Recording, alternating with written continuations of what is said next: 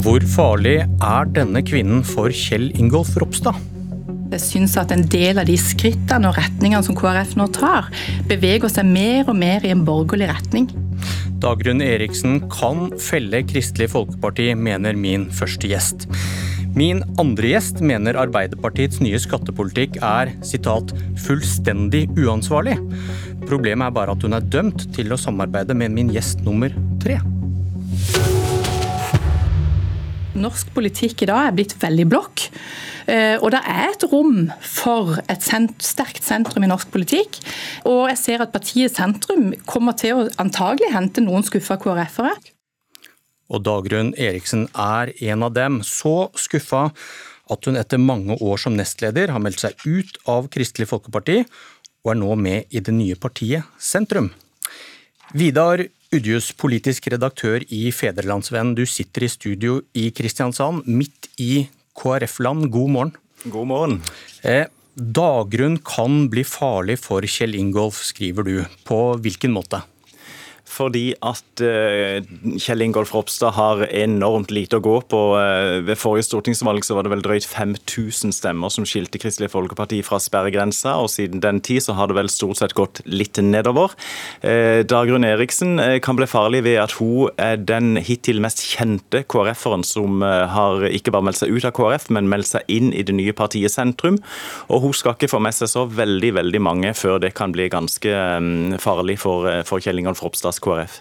Hva skjer med det borgerlige flertallet hvis KrF ikke klarer sperregrensa på 4 Nei, det, da kan jo det ligge eh, veldig dårlig an. og Her ligger kanskje noe av en trøst for KrF. fordi at i alle fall ved tidligere valg så har jo f.eks. Høyres eh, lyseblå velgere har vist en evne til å ville redde Venstre eksempel, over sperregrensa. og Hvis KrF da kommer i samme status nå inn mot neste stortingsvalg, så kan det hende at de kan få, få lånehjelp fra noen eh, litt lyseblå Høyre-velgere, muligens. Men for å dra dramatikken opp igjen, Dagrun Eriksen kan altså bli farlig også for Erna Solberg? Det kan jo rett og slett Det er klart Erna Solberg er jo helt avhengig av at både KrF og Venstre kommer over sperregrensa for å ha sjans, eh, og da samtidig at gjerne MDG og eh, Rødt eh, havner under sperregrensa. Så det, det er enormt små tideler det vil stå for for mange partier i denne, i denne valgkampen. Du, Hvordan reagerer folk i Kristelig Folkeparti på denne nyheten som kom i går? Eh, jeg får egentlig eh, to-tre forskjellige reaksjoner. Eh, noen som er, som er, oppriktig irritert, og som mener det er illojalt av Dagrun Eriksen, som har vært nestleder i så mange år, og ikke bare melder seg ut, men å gå til en konkurrent.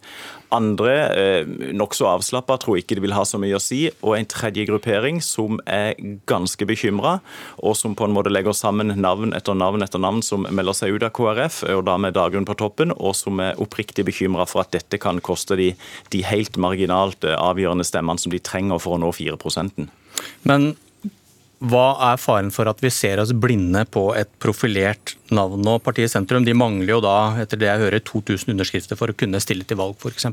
Ja, og det, det, var jo litt overraskende når det kom fram i går at de sånn sett bare i hermetegn har klart å samle 3000 av de 5000 underskriftene som de trenger for å bli etablert som et politisk parti. I de første dagene etter lanseringa var jo Lippestad veldig optimistisk og snakke om en ganske kort tidshorisont for å nå disse 5000. Ennå gjenstår eh, 2000. Eh, og så er det alltid eh, et spørsmål om vi i media kanskje, og, og meg selv inkludert, da, overvurderer signaleffekten av, av, kjente navn som, som melder seg ut ut eh, og melder seg inn. Eh, og tross alt, Dagrun Eriksen hun ble vraka av KrF, både fra stortingsplassen her i Vest-Agder, og hun ble vraka som nestleder i 2017, da hun selv ønska å, fortsette som nestleder i KrF. Så det, det er også et åpent spørsmål om hvor stor signaleffekten egentlig er når det kommer til stykket. Du sitter i det jeg kalte KrF-land, men du, du, skriver at det røyner på der nede også. Hva, hva er situasjonen i Agder? Vi hadde en veldig interessant meningsmåling eh, som Responsanalyse gjennomførte for oss for to-tre uker siden. Eh, og Der var rett og slett Kristelig Folkeparti ute av eh, Stortinget, også fra den beste valgkretsen de har, nemlig i Vest-Agder. Eh, Kjell Ingolf Ropstad blir etter alt å dømme førstekandidaten her, men han var altså heller ikke inne på Stortinget, og det er jo i seg selv dramatisk.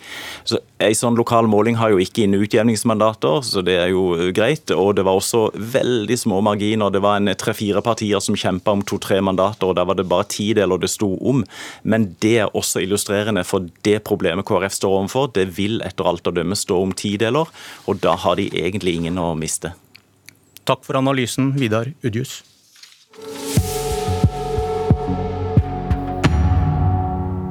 et veldig enkelt opplegg. Folk med vanlige og lave inntekter skal betale mindre i skatt. Folk med høye inntekter og formuer skal betale mer i skatt enn i dag. Hadia Tajik forklarte Arbeiderpartiets nye skatteopplegg på ti sekunder. De fryser nivået på avgifter, inntektsskatt og selskapsskatt, men øker formuesskatten med 7 milliarder kroner.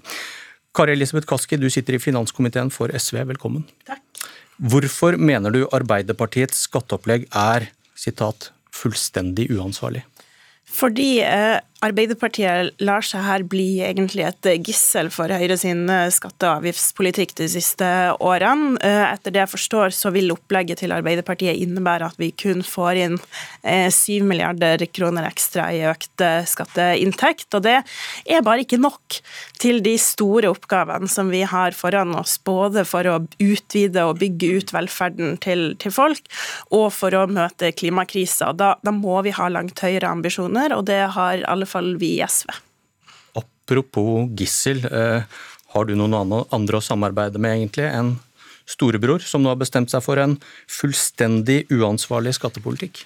Nei, klart, vi, vi, går til valg på å samarbeide med alle på, på rød-grønn side, og alle som, som, vil kvitte seg med Erna Solberg som statsminister. Men vi lar oss ikke eh, binde av Arbeiderpartiet sitt skatteopplegg. Vi har vårt eget skatteopplegg som, som vi skal legge frem i neste uke. Men, men, det vi er enige om, er jo den ganske enkle lovnaden at folk skal komme ut i pluss. Folk flest skal komme ut i pluss også med SV sitt skatteopplegg, men i tillegg så får vi inn langt høyere inntekter som vi kan bruke både til omfordeling, men også til å, å bygge ut velferden vår gjennom gratis SFO og tannhelsereform og reversere regjeringa sine usosiale kutt. og det, det, mener jeg det må vi få til. Men hvis, hvis det skal være forskjell på høyresida og venstresida. Men hvis min tredje gjest her nå står på at uh, denne skattepolitikken skal gjelde vi er størst, fullstendig uansvarlig skattepolitikk, du peker på Støre som statsminister uansett? Men Støre blir ikke statsminister uten et flertall i Stortinget. og, og Hvem skal du peke? Hva er ditt alternativ?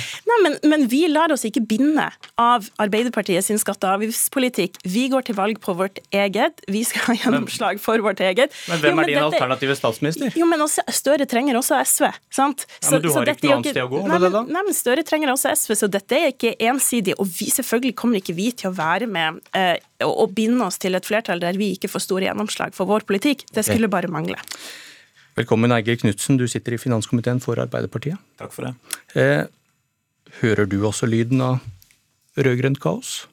Nei, det gjør jeg ikke.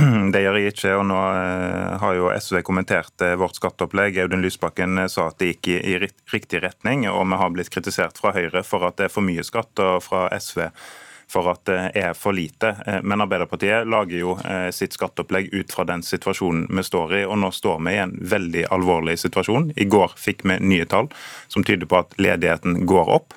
Og Da har vi sagt at vi må sikre to ting i skatteopplegget vårt for neste stortingsperiode. Vi må sikre forutsigbarhet, og vi må sikre mer rettferdig fordeling.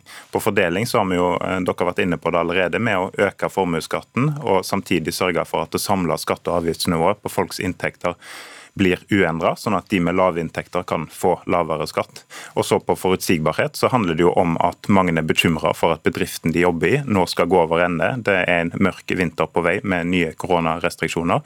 Derfor så sier vi til bedriftene at selskapsskatten skal stå i ro. Det skaper forutsigbarhet og er trygg skattepolitikk fra Arbeiderpartiet. Ja, for å forstå det riktig, du kan ikke øke skattene mer enn 7 milliarder pga. at næringslivet skal ha forutsigbarhet. Det er enkelt forstått. Altså Selskapsskatten ønsker vi å holde i ro, men vi ønsker å øke formuesskatten tilbake til det nivået som et bredt stortingsflertall ble enige om i skattereformen i 2016 hvor eh, den såkalte aksjerabatten var 20 eh, og ikke 55 som Høyre har kutta den til nå. Det har vært målretta skattekutt for de aller rikeste med Erna Solberg de siste åtte årene. og Derfor så ser vi et tydelig behov for å øke formuesskatten, sånn at de med de største formuene betaler sin rettferdige andel til spleiselaget. Vi skal se litt på det etterpå. Eh, Kaski, hva tenker du om denne begrunnelsen? Koronakrise, næringslivet trenger forutsigbarhet. Vi kan ikke øke skattene så mye som du vil. Nå vet ikke Egil Knutsen eh, eh, hva slags opplegg vi har for, for bedrifter. Det er ikke der SV henter inn våre skatteøkning. Det er på rike folk med store formuer. Og der henter vi inn langt mer enn det Arbeiderpartiet har lagt opp til. Både fordi at vi henter inn mer i formuesskatt. SV var ikke med på det skatteforliket som ble inngått i, eh, i 2017, fordi at det, det innebar også skattekutt til, til, de med de aller største formuene.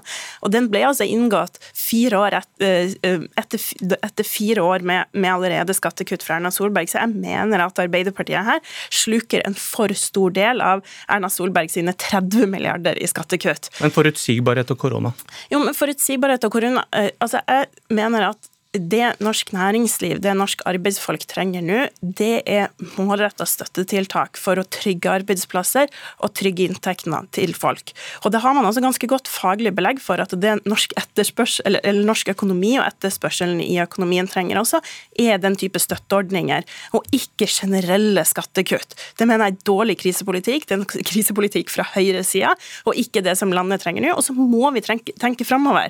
Og da kommer det tiåret her til å kreve krever av oss at vi både bygger ut og utvider velferden vår med store, nye velferdsreformer, og at vi møter klimakrisa. Og da trenger vi å hente også inn mer inntekter, i tillegg til at vi skal omfordele. Ok, Knudsen, jeg må spørre deg om det du var inne på også, for Arbeiderpartiet vil jo da øke formuesskatten 7 milliarder, men dere beholder noe av eh, skatteletten som ble gitt på arbeidende kapital, aksjerabatten, skatteforliket 2016. For da mente dere at kutt i skatt på arbeidende kapital kan sitat føre til at norsk kapital bedre kan bidra til å skape nye arbeidsplasser gjennom produktive og verdiskapende investeringer.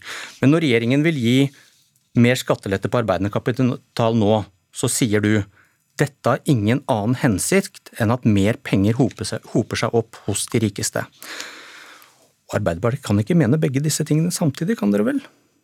Ja, Nå var ikke jeg med på å skrive skatteforliket for over fire år siden. Men er du imot? For, for, nei da, men for at jeg skal komme til begrunnelsen. Den er litt teknisk, eh, men det handler om at du skal ha en liten buffer for at de Eh, eiendelene som blir skatta, skal ikke bli skatta høyere enn markedsverdien, for markedsverdien eh, Men, men her er det en, her er det en grunnleggende svinge, så, så, det er den tekniske Ja, men eh, hør, hør på meg nå. Skatteforlik ja. vi inngikk med flere partier. Og når Kaski sier at det er uansvarlig, dette opplegget på formuesskatt, så er jo dette noenlunde samme skatteopplegg som SV hadde på formuesskatten i fjor. Arbeiderpartiet ønsker også å øke bunnfradraget okay, i formuesskatten. Unnskyld, nå avbryter jeg deg, for nå snakker du deg vekk fra spørsmålet. Spørsmålet er Mener dere kutt i skatten på arbeidende kapital skaper arbeidsplasser? Det mente dere i 2016. Det mener dere tydeligvis ikke nå. Vi, mener at det er viktig å ha en liten buffer eh, på aksjerabatten. Ikke arbeidende kapital, men på aksjerabatten på aksjer og driftsmidler. Men den grunnleggende sånn at skatten her, ikke blir høyere enn eh, ja, markedsverdien. Men den grunnleggende logikken her, dere, dere begrunner dette i 2016 med at hvis vi kutter i arbeidende kapital, så kan det skape arbeidsplasser.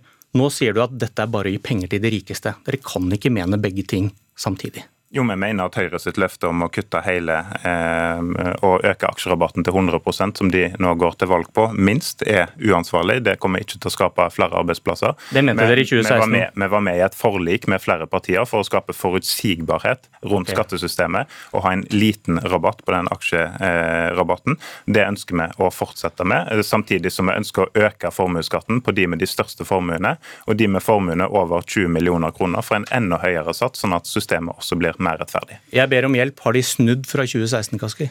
Eh, eh, jeg mener at de i 2016 aksepterte høyresida sin fortelling, og at de fortsatt holder på den, og det mener jeg er uklokt. I Oslo i 2015 så gikk de rød-grønne partiene, også Arbeiderpartiet, til valg på økt skatt, på eiendomsskatt, fordi at man knytta det direkte til velferdsløft i Oslo kommune.